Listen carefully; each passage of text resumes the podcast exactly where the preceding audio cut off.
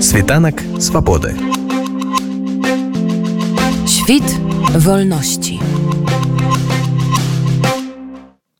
Беларусы ва ўкраіне запусцілі сайт для украінцаў онлайн-праект за адрасам 3w кроп тві сусід кропком так і называется тві сусід асноўная тэматыка што ж насамрэч адбываецца ў беларусі аўтарка ідэі праекта мастачка віолета майшук а дапамагае ёй ствараць онлайновую пляцоўку актывіст які ў 2020 годзе разам з віолетай вымушаны быў праз палітычны пераслед рэлакавацца з гомеля Дмітрый лукомскі мы даведаліся ў стваральнікаў той тое што выклікала ідэю стварыць гэты сайт яго канцэпцыю і даволі цікавую назву Сайт твій сусід запусціўся зусім нядаўна. Калі вы на яго заходзіце то адразу трапляеце на тэкст зварот да украінцаў ад імя беларусаў які пачынаецца радкамі Прывіт я твій сусід з беларусі.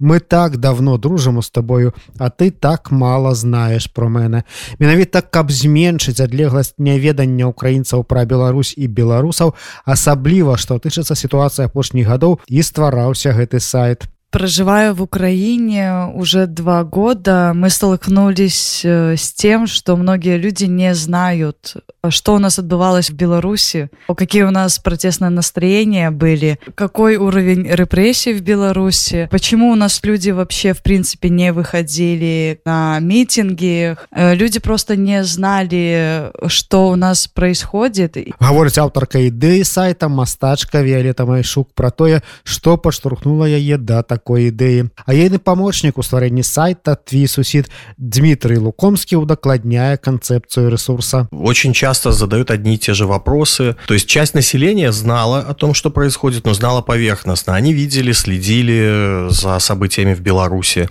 э, о протестах многие знали какие-то простые вещи там как э, белорусы развиваются становясь на лавочку и там про то что были жестокие какие-то противостояния да именно то что людей э, жестко избивали, пытали. Но все равно не такое большое количество людей об этом знало полностью. У людей оставались все равно много внутренних вопросов. И из этого стало понятно, что ну, нету информированности. И мы решили ответить, когда уже война началась именно в 22 году, мы решили сделать что-то такое, какую-то информационную кампанию, можно так сказать, которая бы ответила, наверное, украинцам на их эти вопросы. То есть, почему там э, в Беларуси происходит вот так? Почему с Беларуси запускаются там российские ракеты? Почему вообще россияне что делают в Беларуси? И почему они вошли? Мы всегда им отвечаем, что это расплата Лукашенко за то, что он удержался у власти. И сейчас уже, оглядываясь, так сказать, назад, мы понимаем, что Лукашенко бы, возможно, и не удержался бы э, без помощи Кремля. И у людей в Украине за вот это вот время, особенно начало самой войны, понятно, что была какая-то обида, непонимание. То есть они Беларусь расценивали как э, ну, надежного партнера, который точно не пропустит э, российские войска. Хотя это было слепо. Мы об этом многим говорили и в Чернигове, и в других регионах. Но как уже получилось. И то, что люди на самом деле у нас выходят э, и выходили на протесты и как-то противодействуют, но уровень репрессий, который есть сейчас в Беларуси, он настолько высок, что это просто, ну, даже можно сказать, что глупо иногда делать какие-то такие жесты которых иногда хотят видеть там другие страны или украинцы. И в, именно вот эта информация о политвязнях, о том, за что э, эти политвязни получили конкретно срок, она часто шокирует людей. Даже просто в разговоре мы замечали, когда ты общаешься, отвечаешь на какие-то вопросы и говоришь, что там какому-нибудь 18-летнему парню за фотографию там проезжающего КАМАЗа по Гомелю или где-то в другом регионе стран, страны дали там 5-10 лет, и он прошел еще пытки, то ну, их это шокирует. Для них сроки ни за что, для украинцев сроки ни за что. Вот эти 10, 15, 20 лет, 8 какие-то пытки, разломные квартиры, это ну, жах. Они очень сильно удивляются этому. И поэтому мы решили вот как раз-таки тем таким доступным, простым языком показать, объяснить и предлагаем поширять как бы, да, эту информацию, чтобы другие видели, видели и отвечали на свои вопросы. Згадзіцеся, што ў сайта даволі арыгінальная назва твій сусід. Як аказалася, яна таксама мае сваю цікавую гісторыю і нават можна сказаць прототипа. Назва взялась она не, не из ниоткуда, хотя само по себе название проекта оно было придумано так, ну, можно сказать, спонтанно, банально, просто было интересным. Но там еще заложен и смысл, поскольку вот у нас здесь во Львове есть э, сосед, с которым мы общаемся, и он постоянно вот э, тоже интересуется событиями в Беларуси, вообще нами, как белорусами, то есть ему интересно. И каждый раз, когда мы его видим, практически каждый раз у него все время было «Привет, сусид! Привет, сусид!»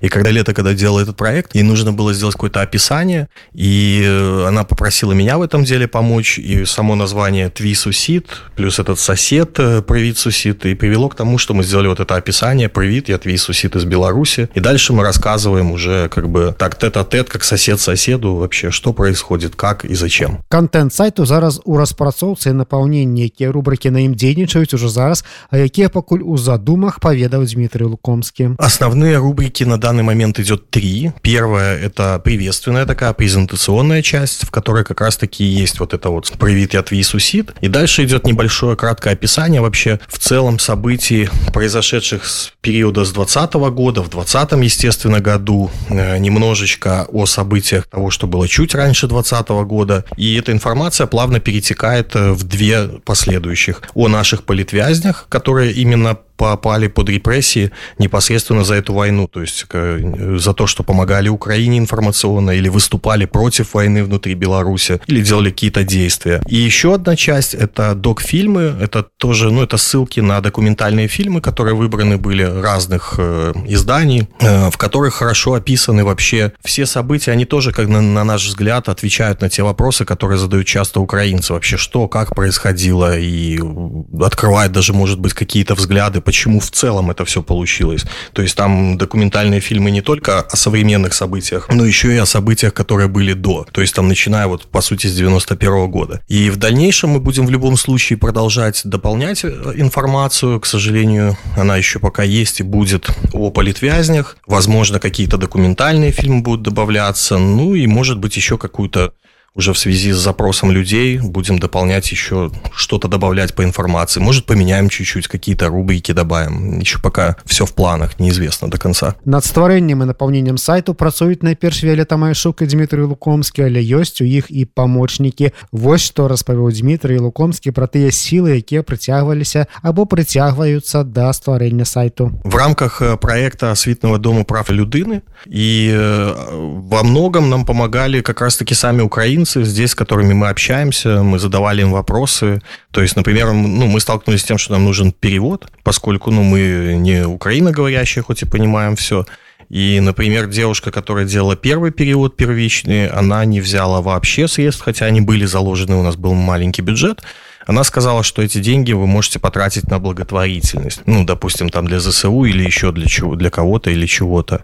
Также у нас приходят часто наши друзья украинцы здесь в гости, и мы периодически их просили, а посмотри это, а почитай это, а можно мы тебя там попросим перевести это. И вот так вот постепенно все это и делается. А по факту работу ведем вдвоем. Ну, большую часть, конечно, делает Виолетта, то есть по дизайну, по оформлению, по всему по э, сбору информации с, с той же весны там, и прочих источников. Ну и в чем-то я и помогаю, конечно же. Зараз одной з задачаў стваральнікаў з'яўляецца прасоўванне сайту найперш для украінцаў. Тут стваральнікі бачаць наступныя напрамкі. Запрос есть однозначно, поскольку и создавался он именно по запросам людей. То есть это было придумано, потому что люди ну, имеют такие вопросы, у них есть к этому интерес, и даже потом, которые наши знакомые приходили, там приезжали к нам, и мы им так уже показывали сырую версию, они говорили, что это, ну, возможно, будет круто и может зайти. Как таковой рекламы у нас, к сожалению, пока нету. Э, мы, ну, естественно, там оплачен домен и прочее, то есть как бы сам Google его, конечно же, рекламирует, но так стараемся сарафанным радио. Вот выставка, которая была «Живе Украина» во Львове, там тоже на самом плакате был QR-код э, для сайта Ну и всяким образом там где-то в чатике закидывали тематически. Просим своих друзей украинцев делиться. В общем, пока что больше так на энтузиазме, на сарафанном радио как-то его продвигаем. Ну и опять же, да, и, э, конечно же, у нас был еще ресурс э, самого Дома прав людыны, который у себя на ресурсе все это дело публиковал. Велета Майшук дадае, што сайт можа быць карысны не толькі украінцам, але і беларусам. Напрыклад, вось такой мэтай. За время проживания в Украине мы не сталкивались э, вживую с хейтом, но в интернете очень много с этим сталкивались. И если проанализировать страницы хейтеров, которые оставляют комментарии, то можно понять, что это боты и тролли. У них страницы пустые, без друзей, без фотографий. И спорить с ними зачастую бессмысленно, а иногда и себе дороже. Э, я рекомендую, когда вы видите хейт, просто сбросьте ссылку на сайт, и тогда вопросов станет меньше. А еще не забывайте в любой ситуации включать критическое мышление.